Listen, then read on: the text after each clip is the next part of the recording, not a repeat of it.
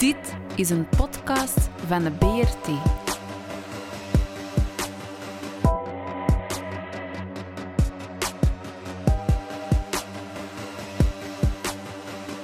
De Brabantse radio- en kleurentelevisie. Uh, goedendag beste luisteraars en welkom bij Brasserie Brabant, een podcast van de Brabantse radio- en kleurentelevisie. Ik ben jullie host Christophe en met mij heb ik natuurlijk weer vast meubilair in de brasserie, namelijk mijn twee co-hosts Rudiger en Ramon. Dag heren. De meubelen groeten u terug. Dag beiden. Voilà. Natuurlijk hebben wij vandaag ook weer een razend interessant onderwerp en hebben wij ook een razend interessante gast uit Noord-Brabant, de uh, de man van het Brabants erfgoed, Wouter Loef. Dag Wouter. Goedenavond. Ik zei het al in de, in de inleiding, het Brabants erfgoed en Wouter Loef, maar wie is Wouter Loef? Ja, ik ben uh, historicus, geboren in Hilvarenbeek, dus vlakbij de, de grens met België. Mm -hmm. uh, ik heb gestudeerd in Nijmegen en ben daarna weer terug verhuisd uh, naar Brabant. Ik woon nu in Rosmalen. Ik werk sinds oktober 2016 bij Erfgoed Brabant als historicus en ook als hoofdredacteur van de website brabantserfgoed.nl. En op die website uh, publiceren we verhalen over het Brabantse verleden en we ontsluiten collecties van allerlei instellingen, wel uit Noord-Brabant dan. Dat is wel goed om in deze podcast uh, te noemen. Uh, dus ja, dat, dat, is wel het onderscheid dat we maken. Maar we hebben wel gewoon de URL geclaimd alvast uh, voor de toekomst. Ja, en het erfgoed Brabant heeft dat dan een een, een taakomschrijving? Of, of, of, hoe moet ik mij dat ja, voorstellen? Ja, dat is al ingewikkeld. Maar de website heet dus brabantserfgoed.nl en de organisatie daarachter heet Erfgoed Brabant. En dat is omdat we die website doen we samen met het veld. En als je die dan naar jezelf noemt, doet natuurlijk niemand mee. Mm -hmm. Vandaar dat hij een andere naam heeft. En Erfgoed Brabant is heel technisch gezegd een provinciale uitvoeringsorganisatie. Houdt in van hè, in, dat de provincie maakt erfgoedbeleid. En wij voeren dat in principe uit. Maar we zijn wel een aparte stichting, dus we hebben daar ook invloed op en kunnen ook zelf accenten leggen. Ons doel is eigenlijk om het uh, Brabantse erfgoedveld te ondersteunen en om uh, het bewustzijn creëren onder de Brabanders van hun erfgoed. En, en wat valt er allemaal, Wouter, onder erfgoed? nou, Rob, dat is een brede, brede vraag natuurlijk. Hè? Dat, ja. dat gaat van uh, dialect, hè, waar je zelf natuurlijk ook mee bezig bent, mm -hmm. um, ja, tot aan vochten. Hè, maar ook uh, uh, alledaagse dingen, denk ik, uh, die mensen meedragen. Wij zien erfgoed vooral als een debat, eigenlijk een voortdurend debat over wat, wat we bewaren en wat we doorgeven en wat, wat we achterlaten in het verleden. En, en aan welke collecties moet ik dan denken die Erfgoed Brabant beheert? Nou, zelf hebben we dus geen collectie. We stellen anderen in staat om hun collectie te ontsluiten. Dus wij bieden daar een technische tool voor om dat te doen. Um, en dat zijn collecties van ja, heemkundekringen, zijn historische verenigingen, um, tot aan musea. En we hebben ook een aantal, uh, ja, hoe zeg je dat, nalatenschappen van kunstenaars of stichtingen die ja. de nalatenschap van een bepaalde kunstenaar beheert, die uh, faciliteren daar, daar ook in. Ja, en jullie hadden ook zelf een, pit, uh, een podcast, een podcast, dacht ik, hè? Ja, dat klopt. Ja, die, uh, die ligt nu wel eventjes stil, omdat we wat personele wijzigingen hebben. Maar we hebben een, een podcast inderdaad, de Brabantse Erfgoed podcast. Hè. We noemen alles gewoon bijna hetzelfde. Ja. Uh, waarin we ook gasten ook ontvangen. En uh, eigenlijk het idee erachter is om de mensen in beeld te krijgen die met erfgoed bezig zijn. Ja, en zijn er veel mensen bezig met het Brabantse erfgoed? Je komt daar veel Ja, ja zeker. Zeker, ja, zeker hoor. Um, mijn directeur geeft altijd zo'n feitje, ik weet niet helemaal of het klopt, maar dat er in een weekend in Nederland meer mensen bezig zijn met erfgoed dan dat de, de KNVB, hè, dat is de voetbalorganisatie, leden heeft. Uh, en in Brabant hebben we heel veel uh, heemkundekringen, volgens mij iets van, ja, moet ik even goed zeggen, iets van 260 of zo. Mm. Uh, ja, in totaal iets hebben die van, ja, dat varieert een beetje, maar volgens mij iets van 30.000 leden. Dus best wel een significante hardcore groep. En dan heb je daarbuiten ook gewoon de gewone geïnteresseerden. Ja. De Brabants erfgoed, dat beperkt zich tot Brabant NL. Ja, tot het Noord-Brabant. Zijn er contacten de, met uh, Brabant in België? Ja, zeker. Ja. We hebben daar wel contacten mee, maar dat is niet onze primaire doelgroep. Uh, dat komt ook omdat we dus gebonden zitten aan de provincie, dus ook aan de provinciegrenzen. Um, en daarmee heb je dus ook gebieden, kijk bij Noord-Brabant horen dus ook gebieden die tot 1815 bij Holland hebben gehoord. Hè, daar duik ik gelijk de geschiedenis in. Ja. Maar die, die, eh, die tellen ook mee voor ons. Maar eigenlijk zouden we dan in de plaats van sportweekend, of hoe heet het in, in, in Nederland, eh Brabantsweekend of zo moeten... moeten Ja, ja, dat zou fantastisch zijn inderdaad. Ja. ja, of een week dan ook gelijk. ja. ja. Ja, en dan in samenhang, hè. Dat lijkt me heel erg mooi, omdat het juist ook met het, eh, eh, het andere deel van Brabant daar ook eh, bij te betrekken. Ja, wel, ik laat dat nu net een deel van onze, eh, van ons, eh, eh, onze missie is misschien veel gezegd, maar ons, ons interesse zijn. Wat, wat bindt ons nog tussen de verschillende Brabanten? Waar liggen onze verschillen? Zijn er verschillen? En, en hoe langer we deze, deze afleveringen doen, hoe meer dat duidelijk wordt, vind ik dat er echt nog wel zeer veel verbindingen en gelijkenissen en, en dezelfde dingen zijn. Ook al wordt er gezegd dat het twee verschillende landen zijn en loopt die grens daartussen, toch zijn er veel gelijkenissen, vind ik. Ja, nou bij ons eh, thuis, wij keken dan ook vaak naar de, eh, het weerbericht op de Belgische tv. Want die, die klopte beter dan het Nederlandse weerbericht. Ah ja, omdat die, de Nederlandse weerbericht zal meer richting Amsterdam gelegen zijn en, en zo. Ja. Ja. Ja, ja, ja. Ja. Wij hebben op de VRT, trouwens, op de, op de Vlaamse radio en televisie eens een, eh, een, een, een klacht, is veel gezegd, maar een, een, een brief naar de ombudsman geschreven om te protesteren dat we een, weerbericht voor Brabant wouden en niet voor Vlaanderen, maar dit geen. Ja, Goed. Ik kan me, ik kan me nog herinneren dat er af en toe een weerbericht voor de campen kwam. En dat dat inderdaad, als je dan naar de, naar de VRT kijkt, dat, dat, is dat beter te volgen? Of dan is dat meer passend bij eh, de regio waar, eh, nou ja, waar Wouter en ik allebei vandaan komen?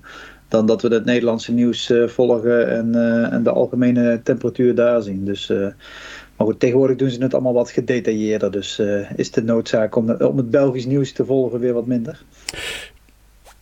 Ik heb een, een vraagje over dat erfgoed.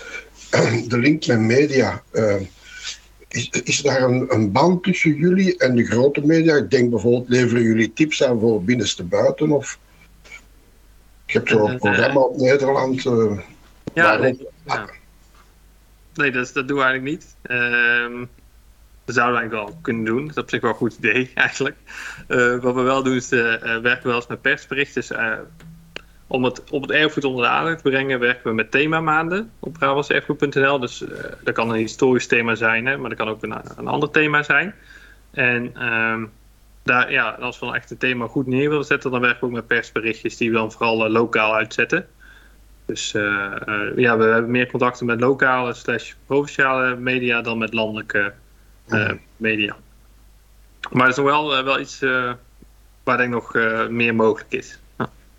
Ik, ik vond het nogal interessant, Wouter. eh, je noemde dialect hè, als, eh, als een van de dingen waar, waar Erfgoed Brabant mee bezig is. En wat mij dan opvalt is dat je daar ook de, de geografische beperking van, het, eh, van, van de provincie zeg maar, aanhoudt. Terwijl natuurlijk taalkundig de, de, de, de, regio veel groter is.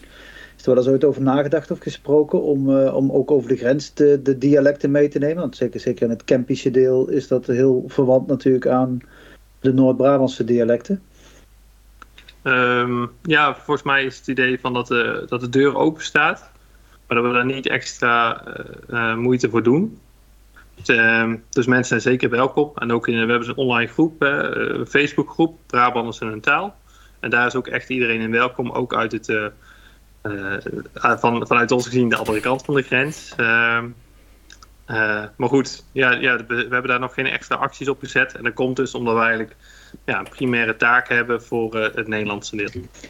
Ja, ik, ik ken de Facebook-sites inderdaad. Een heel sympathiek initiatief en ook heel leuk om als taalliefhebber daar, daar op te zitten. Maar ik vermoed dat het voor, voor Kempenaren en voor Antwerpenaren, die identificeren hun eigen taal natuurlijk veel minder als dat wij in het noorden dat doen met het Brabants. Eh, en als, het, als je die link niet legt, dan komt het ook nat- niet natuurlijk uit op die, eh, die groepen. Dus misschien kunnen we daar nog wat, eh, wat, wat extra aandacht aan besteden. Om die mensen bewuster te maken dat ze eigenlijk Brabants spreken. En dat ze tot dezelfde gemeenschap als ons behoren natuurlijk. Hè? Ja, zeker. Ja. Ja, kijk, ik zie Chri- Christophe en Rudiger ga ik al uitnodigen voor de, voor de site eh, bij deze. Absoluut, doe gerust. Ik, eh, ik ben voor, dus eh, dat soort eh, grensoverschrijdend gedrag. Maar we hadden ook een aantal eh, onderwerpen doorgestuurd in onze mail. En ik denk dat Rudiger bij uitstek daar al wel een vraag over heeft.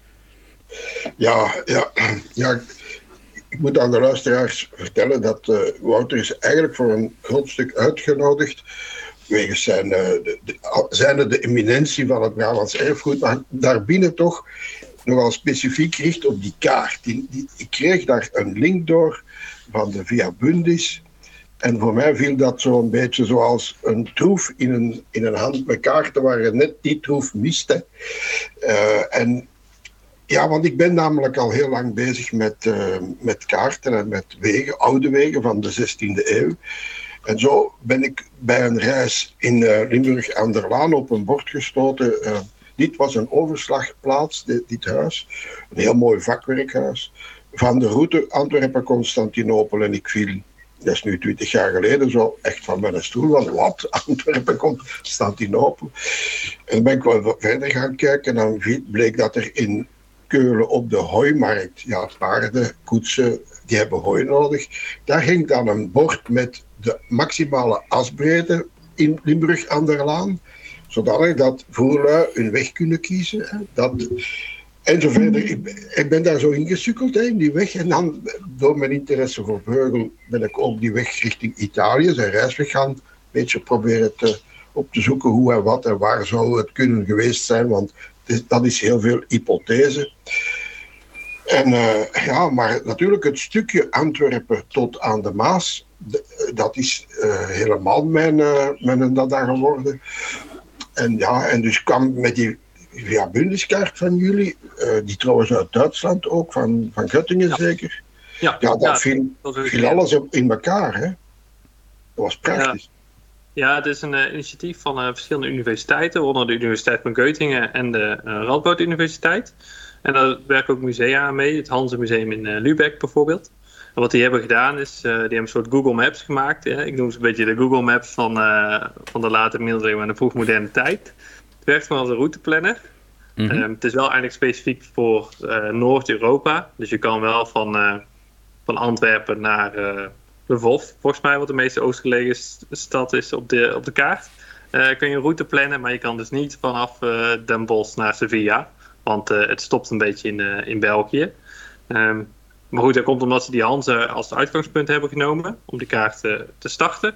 En het betekent niet dat het in de toekomst niet nog verder wordt uitgebreid, maar dat ligt op dit moment, ja, zo zijn ze niet, niet begonnen. Um, en wij, ja, wij zagen die kaart voorbij komen bij Apple Brabant en dachten, hey, dit is, dit is heel vet. ik vind het zelf heel erg vet. Dat je een route kan plannen, dat je daar dus kun je ook lekker mee spelen dan. En je gaat natuurlijk kijken waar je zelf woont en zo. Uh, en het mooie was ook omdat je hier die Europese context meteen meepakt. In plaats van dat je dus inderdaad weer hè, een, een, soort arbitraire lijn om je gebied trekt, ja. uh, die er vroeger niet was. Uh, mm -hmm. Nee, hier zie je wel die samenhang. en wat voor Apple Brabant dan belangrijk is, is mensen samenbrengen. Dus ook mensen samenbrengen rondom erfgoed. En zo hebben die kaart eigenlijk ook ingezet. Dus uh, ja. we zijn aan de slag gaan met vrijwilligers van de historische verenigingen. Die hebben contact gebracht met uh, de academici achter die kaart. En daarbij hebben we ook uh, studenten ingeschakeld. om jongeren naar ons deel van Brabant te halen. Want in Noord-Brabant heb je geen universiteit waar je geschiedenis of, of kunstgeschiedenis kan studeren. En dat is wel een gemis, vind ik zelf. Dus zo proberen ook gewoon ja, jongeren toch bewust te maken van hey, het, is, het is ook oké als je onderzoek doet naar je eigen omgeving. En daar zitten mensen ook echt op te wachten. Dat is ook wel iets wat die stagiaires uh, uh, teruggaven. Van hey, het is wel echt leuk om uh, iets ergens mee bezig te zijn hè, waar echt mensen op zitten te wachten. In plaats van ja. dat ik er nou een essay schrijf die ik naar mijn docent stuur. Hè, is het, nee, hier het echt. Ja, dat vinden mensen echt leuk. En mm -hmm. um, dat was voor Brabant. Voor F Brabant was dat eigenlijk de hoofdreden om hier mee aan de slag te gaan juist het samenbrengen van, uh, van mensen. Ja. Om zo ook, dat mensen ook van elkaar kunnen leren. Ja, en die, en die, en die, kaart, die kaart of zo, of die, dat is op jullie website te vinden, die, die, die routeplanner nu? Of, of, ja, ja. Ja, ja, dat is goed je zegt. Het is inderdaad te vinden op uh, www.brabantserfgoed.nl slash via Bundus. Mm -hmm.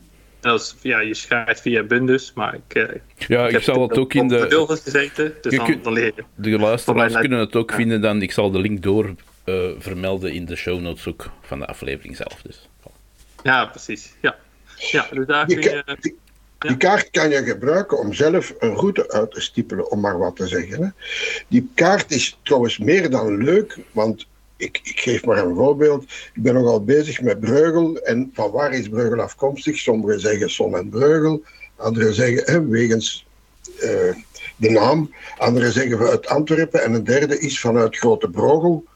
Uh, en dan is het antwoord van wetenschappers op Grote Brogel: nee, want dat was een gat en daar, daar was niks. Hè. Breugel was gevormd. En dan zeg je, maar hou, die route liep daar wel langs Grote Brogel. En daar kwamen dagelijks, uh, ik weet niet hoeveel, um, konvooien voorbij met mensen die kunst en, en, en, en cultuur en, en, en suiker en, en koper ver, vervoerden van, van Augsburg uit en, uh, en verder. Dus dat was een, de grote autostrade op, in de 16e eeuw toch, hè, tot, uh, tot de val van Antwerpen. Ik wil maar zeggen, dat, heeft, dat kan ook een bruikbaar iets zijn voor uh, ander wetenschappelijk onderzoek. Hè. Zeker, zeker hoor. We zijn ook aan het kijken of we ook in het, meer in het basisonderwijs een, een, plek kunnen geven. We bieden als FO Brabant ook lesprogramma's aan. Eentje gaat over de middeleeuwse stad. En dit is natuurlijk een heel mooie manier hoe je dus zo'n... Ja, het is meer een algemene lespakket, maar hoe je die ook weer kan vertalen naar de leefomgeving van die leerlingen. Omdat je dus kan kijken van... Hey, hoe zat dat dan bij mij in de buurt? Dus, uh, je kan er veel meer mee doen hoor dan uh, een leuk uh, half uurtje. Maar voor de meeste mensen is dat uiteindelijk wat het is. Hè? Een keertje opzoeken hoe je naar je werk gaat en zo. Dus, en dat is hartstikke mooi denk ik. Dat je gewoon even beseft van hé, hey, ik ben niet de eerste die deze route aflegt. Um, dit is. Het, heeft ook nog een, het, het, biedt soms ook nog een verklaring voor natuurkundige fenomenen. Zo zijn er in het, de Kempische vlakte, maar ook in, op, rond het Kempisch plateau in Limburg zijn daar stroken, zoals in Lommel, met wit zand. Een aantal van die stroken zouden kunnen ontstaan zijn, want die karren die reden met hun 5, 6 tot 10 paarden voor door een stuk veld. Ik bedoel, geen velden zoals nu, ik bedoel gewoon heidelandschap. En als er geregend was, reed de volgende kar daar gewoon naast. En de volgende links daarvan. En zo ontstonden zeer brede stroken zand. En die, dat gaf dan weer zandtuinen en zo verder. Hè. Dus dat heeft een invloed gehad op, op ons, onze omgeving. Hè. Ja. ja, het is Zo, ik vind het sowieso interessant om te zien. Uh, in die tijd was natuurlijk, waren mensen veel meer afhankelijk van de landschappelijke omstandigheden, van wat er mogelijk was. Hè. Tegenwoordig pompen we de velden droog en, uh, en leggen we pilaren aan om alles te verstevigen. Maar destijds moest men echt kijken van hoe kom ik met die kar over dat heidelandschap door dat beekdal een stuk verder. Dus ja, die routes die waren natuurlijk uh, door de eeuwen gevormd en, en, en bekend. En, kunt daar dus ook gewoon heel veel landschappelijke informatie uithalen. Hè? Van, van waar liggen, lagen de droge duinen langs de rivierdalen en waar ontstonden dus ook de eerste landbouwgemeenschappen die toegankelijk waren en, en later stedenvorming en dat soort dingen. Dus het is denk ik een hele goede basis voor, uh, voor heel veel onderzoek, want het, het maakt heel veel, ja, letterlijk verbindingen duidelijk. Waar we eerst natuurlijk naar moesten gissen. Ja, precies. Ja, leuk niet aangelegd. Ja. Zeg maar, Wouter. Oh ja, nee, mooi dat jullie zo enthousiast zijn. En precies, dit is, dit is ook precies waar, waarom ik dacht, ja, dit, hier kunnen we meer mee, zeg maar. Dit is echt uh, een heel leuk, heel mooie tool inderdaad. En ook voor, voor onderzoek en uh, juist ook voor landschappelijke vraagstukken denk ik dat het ook erg interessant is. We zien ook wel lokaal dat mensen dit dan ook inzetten voor het behoud van bepaalde zandpaden. In sommige gemeentes liggen nog stukken oude route. En dat daar dus natuurclubs, hè, bijvoorbeeld de lokale, in Nederland heet dat de IVN bijvoorbeeld. Hè. Dat zijn de, de vrijwilligers die, die van het, met natuurbouw bezig zijn. Dat die dan ook contact hebben met de heemkundekring. Omdat ze dus een cultuurhistorische waarde kunnen toekennen aan dat standpad. En dus ook een biodiversiteitswaarde, waardoor een uh, zaak een stuk sterker is. Ja. En ik vind nog een ander aspect, want dikwijls in het, uh, in het onderwijs of in de, in de algemene kennis, zal ik maar zeggen, wordt toch dikwijls gedacht dat zo de middeleeuwen, dat, dat de, de, de regio hier op zichzelf gekeerd. Maar met, met die routes, ik bedoel, heel de wereld kwam eigenlijk tot hier. Hè? En, en hier ging ook naar heel de wereld, zonder grenzen eigenlijk. Ja, precies. Ja, dat is een beetje stereotyp inderdaad. Hè? Dat in de middeleeuwen zouden mensen dan niet buiten het dorp komen. Nou, dat is gewoon, uh, dat is gewoon helemaal niet waar. Mm -hmm. uh, vooral niet als je langs zo'n echte route lag. Hè? Daar kwamen ook heel veel mensen voorbij uit andere streken. En uh, laat ook een bepaalde economische verknooptheid zien, denk ik. Die we misschien als modern zien. Ik vind een interessant voorbeeld, heb je in uh, Sertogenbos. Mm -hmm. eigenlijk, eigenlijk moeten we beginnen met Venlo. Want Venlo die is dan afhankelijk in de 16e eeuw voor een deel van het voedsel. Uh, dat importeren ze en dat is haring. Hè? Dat is gewoon voor de arme mensen is dat, is dat het standaard voedsel haast. En die haring die kopen ze in Den Bosch. Want in Den Bosch zit dus een, een industrie die haring, waar haring wordt gepekeld. Maar er komt geen zout voor in de omgeving van Den Bosch. En het ligt ook niet aan zee, dus er komt ook geen haring voor. Maar daar zie je dus hoe zo'n stad dus een bepaalde industrie kan ontwikkelen. Uh, voor de export, hè, want het gaat naar Venlo. Mm -hmm. En dat, dat, is dus ook weer eens gebaseerd op import. Ja. Dat vind ik zelf echt, uh, vond ik zelf een heel interessant. Uh, ja, ja, dus de, de vertakkingen zijn, zijn veel groter dan, dan algemeen dikwijls wordt aangenomen. Hè. Eigenlijk, ja. die, die route van Antwerpen naar Constantinopel, dat is, allee, dat is wel een eindje. Hè. Ja, dat, is, dat hoeft niet noodzakelijk allemaal over land geweest te zijn, nee. want men kon via Augsburg, uh, Trente, naar Venetië gaan en dan de boot op. Uh, of, ja, ja maar, de, maar, maar de contacten goed, zijn er, hè? bedoel, maar, de. de... Oh. Wat, Wouter, wat, wat, zijn er nog verder allemaal voor onderzoeksvragen die jullie hieruit uh, denken te kunnen gaan, gaan halen? Want het, het, ja, als het dit bij ons al losmaakt, wat moet het dan bij jullie allemaal losmaken? Ja, nou, ik vind het erg interessant om nog te gaan kijken of we mensen in beeld kunnen krijgen. Nu hebben we vooral nog, uh, of het mooie vind ik aan die kaarten, dat je best wel dicht bij het dagelijks leven kan komen. En meestal hebben we het, als we het over de 16e eeuw hebben, kom je toch vooral op de 15e eeuw, dan kom je gauw op de grote, de grote mannen uit, hè? Mm -hmm. de ertogen of zo. Ja. Um, maar dit was gewoon het, het, leven van alle dag. Mensen gingen iedere dag, uh, legden ze afstanden af. Uh, en nou, dus, dus dit brengt dat wel dichterbij, maar ik zou ook nog wel eens willen kijken of we nou ook echt, echt de gezichten erbij kunnen krijgen. Of in ieder geval de, de, de personen die uh, over die wegen gingen. Um, en dat, dat, zijn ook vragen ja. die ik heb. Dat zou bijvoorbeeld in, in de Kempen kunnen met de, het ontstaan van de teuten of zo. Hè. En er is een, een, theorie, een hypothese, want er is, er is weinig geschreven, maar er is een hypothese dat het stukje tussen Balen en, en laten we zeggen Grote Brogel uh, verder, dat daar, ik moet eerst vooraf zeggen, die mensen die reden met die karren, maar die hadden niet alle water of alle voedsel voor die paarden en zo verder bij. Dus die waren afhankelijk van logistiek. En logistiek, dus hooi, hooien en dat brengen naar die route. Maar dat, dat hooien en dat voedsel moet gekweekt worden in voedzame gronden, niet waar die karren door, trekken. En dus uh, vaak zijn de mensen die de logistiek leverden, wonen die een dorp of wat verder van de route. Uh, ja, en dus die dorpen zijn bijvoorbeeld Lommel, Ixel um, en zo verder. Daar is een enorme uh, groei van teuten ontstaan na de val van Antwerpen. Die mensen die in die logistiek, is mijn hypothese, hè, die daar in de logistiek werkten, ja, die, die dat hooien en het voedsel voor de voermannen of de drank en voor de paarden leverden, of herstellingen aan de wagens deden, of een keer door een natte, een drassige weide doortrekken, want dat was een geplogenheid. Hè. Um, ik, ik, ken zelfs een verhaal van in Balen waar men een brug bouwde op één nacht. Men trok er over en dan bouwden ze de brug terug af om de noodzaak te laten blijken. Want dan werden ze betaald. ja, kijk, dat zijn een mooie verhalen natuurlijk uh, op boven water ja, ja. nog krijgen. En uh, uh, ja, zelfs zijn we zijn ook nog bezig met, die, met herbergen. Die kunnen ook worden toegevoegd aan de kaart.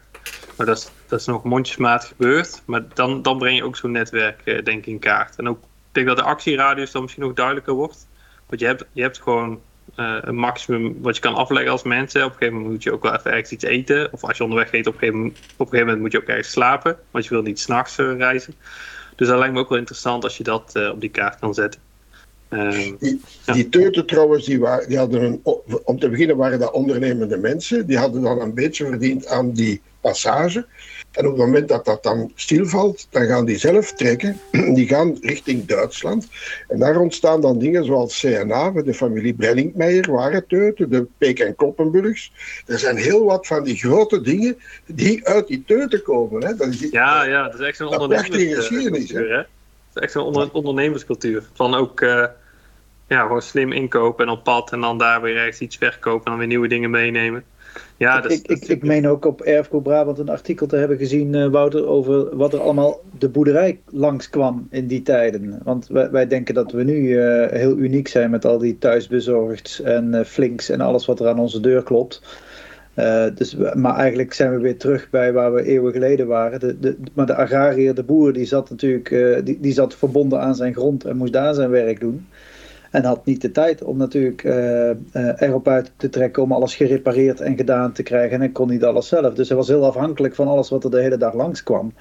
En dat was een economie op zich, die allemaal natuurlijk van die, die routes en lokale routes en varianten gebruik moest maken. Dus dat, moet een, een veel intensiever belopen route, routering zijn dan wij, wij kunnen vermoeden eigenlijk nu. Ja, inderdaad. Ja, mooi dat je die gelijk ook gelijk trekt met het, uh, met het heden. Uh, dat is zeker zo. Zeker hoor. Dat moet echt uh, een hele wereld achter hebben gezeten om, om dat te laten functioneren. En ook wel wat je dan ook wel ziet in dorpen, dat, dat, of in steden is het eigenlijk opgesplitst in gildes. Want daar, dat is ook hè, de, hoe, hoe die milieustad is georganiseerd, is dat haast per tak van de industrie is er een gilde om het te, te controleren.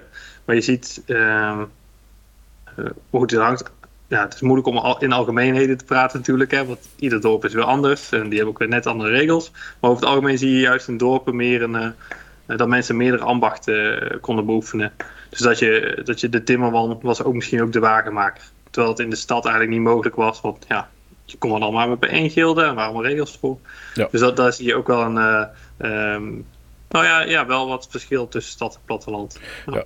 maar eigenlijk wat ik dan in dat soort dingen het absoluut het interessantste vind, is, gelijk dat man ook zegt, die vergelijking met nu hè, en die logistiek. Eigenlijk is er nu niks nog niet veranderd. Hè. Vroeger het was misschien hooi en stro en voor de paarden en de kar. Nu is de logistiek de, de benzine. Hè, dat komt ook uit ja. stukken dat niet van hier zijn. En eigenlijk is het nog altijd hetzelfde als, als toen. Hè. Met technologische ja, verandering weliswaar, maar op, in basic is er eigenlijk zo goed als niks veranderd, denk ik. Dan. Ik, ik, ik denk alleen dat het, de, het leven en de situatie van de gewone man tegenwoordig stukken beter wordt vastgelegd dan in die tijd. Want wat ja. Wouter inderdaad zegt, we, we zijn gewend de geschiedenis op te hangen aan of, of de adellijke verhalen, of de kloosterstichtingen, of de, de, de stedelijke verhalen. Maar misschien moeten we de geschiedenis van het platteland ook wel herschrijven aan de hand van deze, deze routes. Want er zullen dorpen absoluut uh, bijna uh, verbonden zijn geweest aan allerlei wereldeconomieën. Terwijl wij natuurlijk het beeld hebben dat het toch een beetje achtergebleven gebieden waren die op zichzelf, hè, met, met, met, met, eigen landbouw. En, maar er, er kwam veel, veel, veel meer zaken van ver weg dan wij denken. Ja, de middeleeuwen zijn veel lichter dan dat ze de donkere middeleeuwen worden genoemd. Hè? Ja, ja, nou ja, ik ben ook benieuwd hoe snel ideeën zich hebben verspreid in die tijd. Of we dan de inderdaad... 16e, uh, ja. ja. De 16e is al niet meer, niet meer uh, dat is de late middeleeuwen. Ja, ja, oké. Okay, maar... Ja, het is eigenlijk vroeg moderne tijd, dan, uh, ja, dat is een beetje... al Erasmus gehad en, uh, en zo verder. Hè, mm -hmm. Ja, maar dat gaat ook iets, iets langer al terug. Hè. Ik bedoel, dat is niet alleen de 16e eeuw, dat is ervoor ook al nee, een stuk. Nee, nee, dus, uh, er wordt altijd gedaan alsof dat, dat een donkere periode is. In films zie je dat ook altijd, dat, dat precies achterlijke mensen zijn die alleen maar op elkaars kop slaan. Terwijl dat... Altijd modder, hè? Altijd, ja, modder. altijd modder, altijd, altijd vuil. Ja. Met allemaal een beetje grijs. Terwijl als je juist kijkt naar die schilderijen, hè, van Breugel ook, maar ook van Bos, dan uh, dat is eigenlijk een heel kleurrijk uh, bonte mix. Als je kijkt naar de kleding, hè? Ook mm -hmm. de Mhm. boeren die dragen allemaal mooie, mooie kleuren. En het is niet allemaal bruin en grijs en, en modderig. Nee, het is allemaal heel redelijk flamboyant. Uh. Ja. ja, en ik denk ook... En, op, en de, op de, de bruiloft en zo zie je die, die dames, die hebben een mooie witte schort, wit hè. Want daar waren weides voor waar die op gebleekt werden, hè, op de blijk gelegd. Hè. Zonder de dash ja. en zo. Ja, nou dat is ook wel leuk. Hè, als je het hebt over erfgoed, dan zie je ook nog wel terug in straatnamen. Hè. Je hebt soms de Bleekstraat of uh, de Blekerstraat. Ook in, uh, ook in uh, Nederlandse steden zie je het ook nog wel terug, ja. Ja, en ja. dan zie je ook nog wel terug, als je daarover hebt, ook... Uh, soms zie je die, ja, die sporen nog echt terug in het stratenplan van de stad, van het dorp. Ik weet bijvoorbeeld van, uh, van Veghel heb je dan een, een, hoofdstraat en die is ook echt wel wat breder uh, dan de straten eromheen. En dat was dus waarschijnlijk ook gewoon een marktplein. en dan niet, hè, niet de, grote, de grote jaarmarkten van Antwerpen of Berg op Zoom, maar wel voor, een, ja, voor, een, voor de regio, voor de streek was dat wel een, een belangrijke markt. Ja. En dat zie je nog steeds terug in het straatplan. Ja, als je het weet, kun je het zien. Maar als je het niet weet, dan valt het niet op bij dat soort dingen. Dus zo'n kaart helpt. Uh, misschien moeten we ook nog eens een keer een kaart maken voor 1200 en voor, uh, voor het jaar 900. En kunnen weer andere conclusies uittrekken. Hè? Ja, of, of allemaal met elkaar verbinden. Want er zijn heel veel initiatieven. je hebt het ook veel voor de, voor de Romeinse tijd bijvoorbeeld. Ja. Um, wat eigenlijk toch de grondleggers zijn van het wegennetwerk. Um, dus die, die, zijn er ook. Uh, het is ook wel interessant. Ja. Kun je die met elkaar uh, verbinden. Ja. ja. Ja, om, om uh, wat, wat, nuttig ook is, Wouter, is misschien om eens uit te leggen hoe moeilijk het is om een route die niet meer bestaat terug te vinden. Hè. We, gaan, we, moeten daar bijna uitgaan van waar was het droog, waar, was er, waar moesten ze geen allee, tolgeld in een stad betalen, waar moesten ze niet door rivieren en zo verder. En van dat soort hypothesen vertrekken we dan. Hè?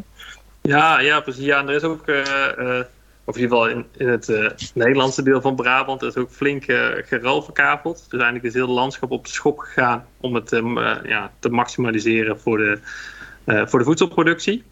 Um, waardoor ook heel veel sporen zijn uitgewist. Dus ook wel echt goed, goed speurwerk nodig. Maar er zijn kaarten, oude kaarten, die je dan kan gebruiken.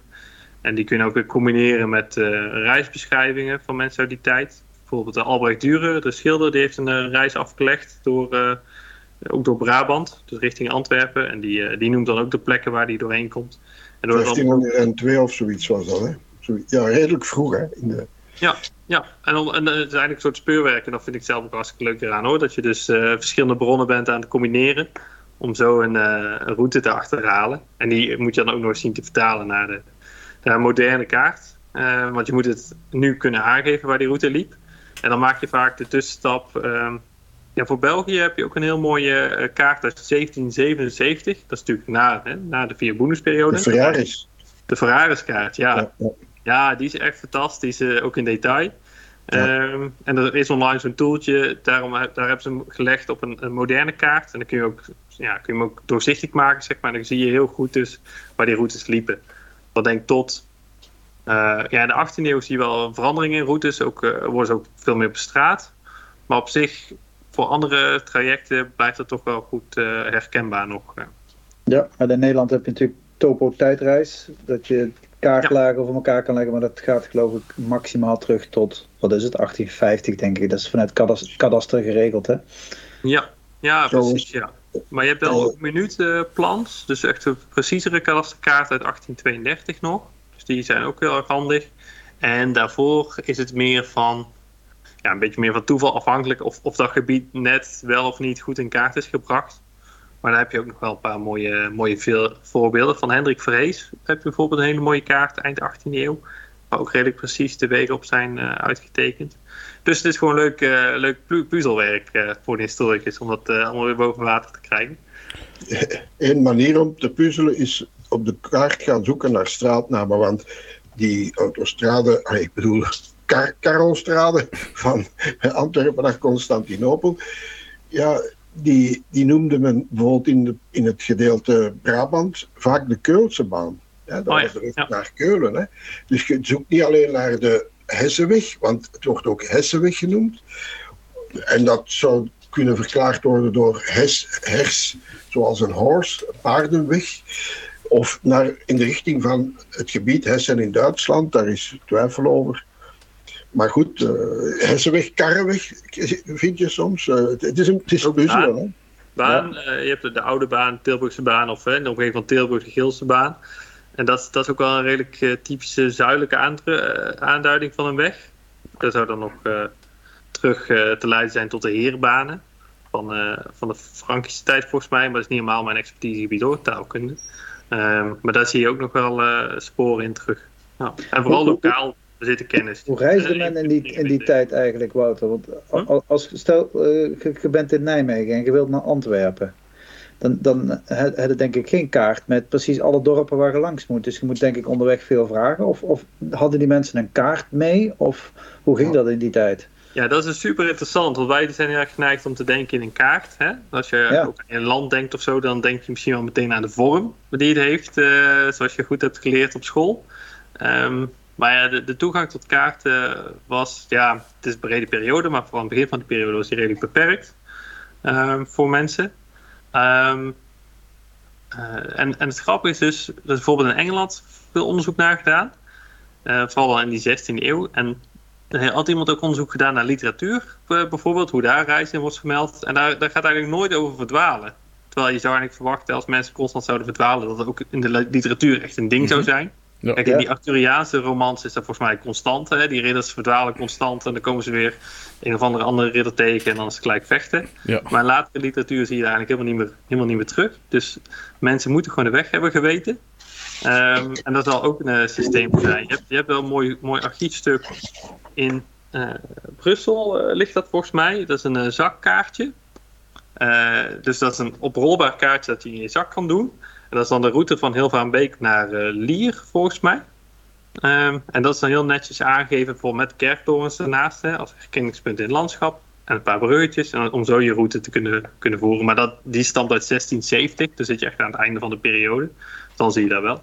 En- En ik denk dat die herbergen daar belangrijk in waren. Ja, sowieso. Dus ik weet niet, eh, als mensen nou eh, op reis gaan naar Zuid-Amerika of zo, dan blijven ze in van die hostels en zo, hè.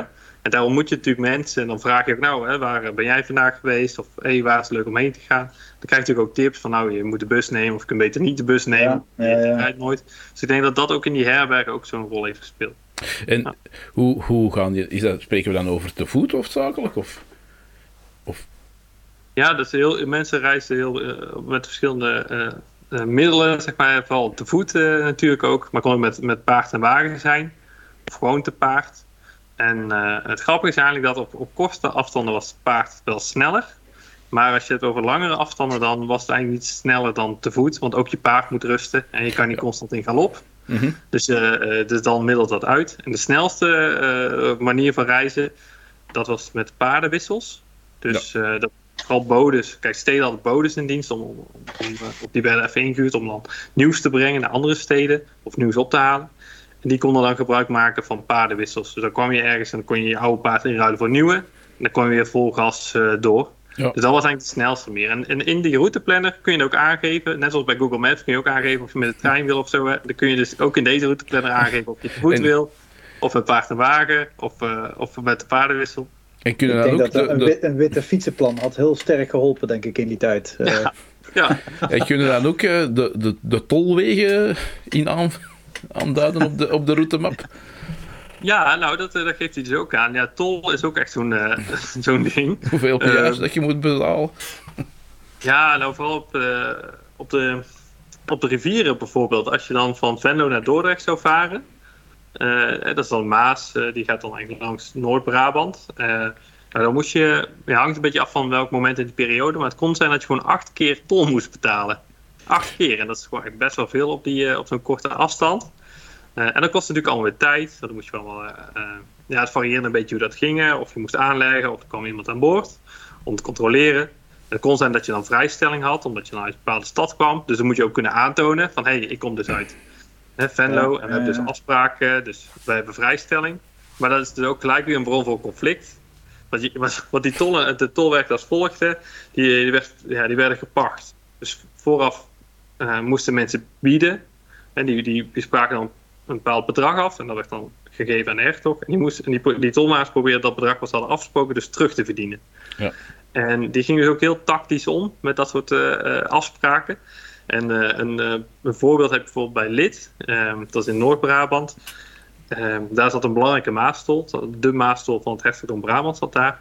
En eigenlijk hadden Venlo en Roermond een, eh, een uitzondering op bepaalde goederen daar. Dus die hadden uitzondering voor eh, ja, drie dingen, maar ik vergeet altijd dan eh, de het derde. Maar volgens mij hout en iets van vis en dan nog iets.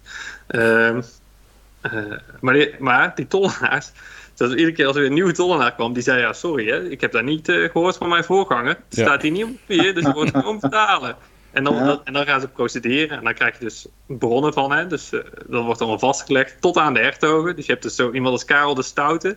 Die moet zich dan gaan bezighouden met een lokale ruzie rondom die tol. Ja. En die moet doet daar een uitspraak over en zo. En uh, uh, ja, maar, maar, tien jaar later is er gewoon weer precies dezelfde ruzie. Je ziet, precies dezelfde dingen. Je ziet, er is niks veranderd. Hè? Er is nog, het is nog altijd hetzelfde als vroeger. Ja. Schengen heeft iets verbeterd, uh, Christophe. Ja, ja, oké. Okay. Maar ik bedoel over, de, over zo dat vitten en dat, dat, dat ruzie maken over dat soort dingen, dat is nog altijd hetzelfde als toen. Als historicus is dat fijn, hè? want dan krijg je heel veel bronnen. Dus, ja. uh, mm -hmm. ja. ja, het zijn die dingen die opdagen. En zijn er voor de toekomst nog plannen dat jullie uh, grote projecten of zo in gedachten hebben waar jullie mee bezig zijn? Ja, dit is eigenlijk een. Uh, we hebben dus één uh, soort sprint gedaan. Hè. We hebben hier vanaf februari echt flink aan gewerkt om deze kaart te verbeteren. De echte verbeteringen zie je pas in september, want dan komt ook Finland online. En bij VMBO doen ze dus dan liever één keer een grote update dan een hoop ja. kleinere. Um, en we zijn dus nu ook aan het kijken hoe we dit een vervolg kunnen geven. En ik zou vooral die internationale, internationale samenwerking ook nog verder willen uitdiepen. Om dus die mensen in beeld te krijgen die dus van Lübeck naar Antwerpen gingen. Of van uh, Denemarken naar, uh, verder naar het zuiden. Dus dat zou ik nog heel erg interessant vinden om verder uit te diepen. Het, het, zuiden van Duitsland is ook belangrijk. Hè? Dat staat er nu niet op. Maar eigenlijk is dat een belangrijke toegangsweg vanuit de Alpen, Italië. En dat was toch wel een, een zeer grote handel tussen, of ook culturele uitwisseling tussen Italië en het noorden. Hè? Ja. ja. zeker. Ja. Maar dan moet je de Universiteit van München denk ik mailen en zeggen wij, doe eens mee met die kaart. Want ik, ja, ik heb er voor de rest ook weinig invloed op. Maar inderdaad, het zou natuurlijk mooi zijn als het uh, Europa dekkend is. En een andere wens, maar dat is ook heel complex, is uh, zeeroutes richting Engeland. Dat is natuurlijk een hele belangrijke handel, hè? ook voor Antwerpen, of misschien wel juist voor Antwerpen. Ja. Uh, dan is ja, dat is ook wel iets om, om mee te nemen. Ja, ja allemaal, allemaal razend interessant eigenlijk. Hè. Ik bedoel, ik moet daar niet, niet onnozel over doen. Dat is door het verleden te kennen, snapt het heten ook. Hè. Ja, ja letterlijk, je ziet letterlijk de, uh, de draden waarmee het samenhangt. Mm Dat zijn die, uh, zijn die doorgaande wegen. Dat is echt letterlijk, zijn letterlijk, ja, letterlijk de rode lijn uh, door de geschiedenis. Ja, en dan heb ik nog een laatste vraag, tenzij dat mijn collega's nog een vraag zouden hebben. Ga maar. Voilà. Onze laatste vraag, en die stellen wij aan, aan iedereen, dat is een culinaire vraag. Of dat er een wel bepaald Brabants gerecht is, waarvan dat je zegt van dat vind ik nu eens op en top Brabants en op en top lekker. Ja, ja, dus, ja. vrees dat ik wel weer verval in clichés, uh, maar voor mij is het wel echt het worstenbroodje. Voilà, weer al uh, worst, weer al worst. Ja, maar wel het worstenbroodje, hè. En dan, uh, ja, dat is wel echt geen ja, ja. Maar ondertussen is om, om, het met de woorden van Christophe te zeggen, niks veranderd. Nee, nee. Nee, worst is zo degene dat, van, alle, van alle mensen die antwoorden op de vraag, is worst in al zijn vormen het meest voorkomende uh, eten. Dat is bizar. Ja. Nou, oké, dan, dan ga ik iets anders zeggen. Dan ga ik iets anders zeggen. Oké. Het is een beetje saai dan. Maar het mag misschien ook modern culinair Brabants uh, erfgoed alles, zijn. Alles mag. En dat is, voor mij is er dan uh, een variant op de frikandel. je hebt de discodel. Die is uh, ah. gevonden in Nijmegen door uh, vrienden van mij, Bas van Lid. Die uh, verdient daar de credits voor. Die heeft daar met andere Brabanders daar bedacht en geïntroduceerd in het nachtleven. Ik heb daar de naam aangeschonken, de discodel. Okay. En dat is dus een frikandel. het is geen frikandel speciaal, want frikandel speciaal is natuurlijk al lang niet meer speciaal. Nee, dat is een frikandel met mayonaise en discodip. En wat? Disco dip? Disco dip. Dat zijn die krokante balletjes die je eigenlijk op een ijsje doet. Die doe je dan op de mayonaise uh, van de Oké. Ja. Dat, dat is een culinaire tip, hè? Ja, absoluut. Dat is het. Ja, dus voortaan gewoon als je bij de frietent komt, bij de snackbar, even zeggen, hey, doe mij een disco del. Ik denk, denk dat er één, culinaire tip aan vooraf moet, Wouter, is dat je eerst heel veel moet drinken. Ja. Voordat je eraan begint. Ja. Maar je hoeft maar één keertje uit te leggen, dan ben jij zo degene van de Disco Del. Dan weet, weet heel dorp hè, wie je bent. Ja, ja, ja, ja, Dan moet je opletten dat in die frituur waar dat je dat bestelt, dat daar geen jong meisje achter staat te gerieven. Ja, ja, precies. Anders denk je daar dan discodel tegen zegt. Ja. Ja, ja, ja. ja. ja de onverwachte resultaten. Hè? Wel, en met de discobal, discobal, discodel, de discobal dat is iets anders. De disco... Ja, dat, mag, die kun je zelf ook nog uitvinden, denk ik. Ja. maar met de Disco wil ik onze gast absoluut bedanken voor zijn bijdrage aan ons programma. Uh, de luisteraars kunnen ons natuurlijk vinden op onze website. Dat is de www.b-r-t.be. Op Spotify, op Google Podcast, op Anchor, op Breaker en nog op een paar andere platformen. Laat ook gerust iets achter op onze Facebookpagina en deel deze aflevering of gelijk welke afleveringen als je het interessant vindt. Bedankt allemaal en tot de volgende keer is een podcast van de BRT.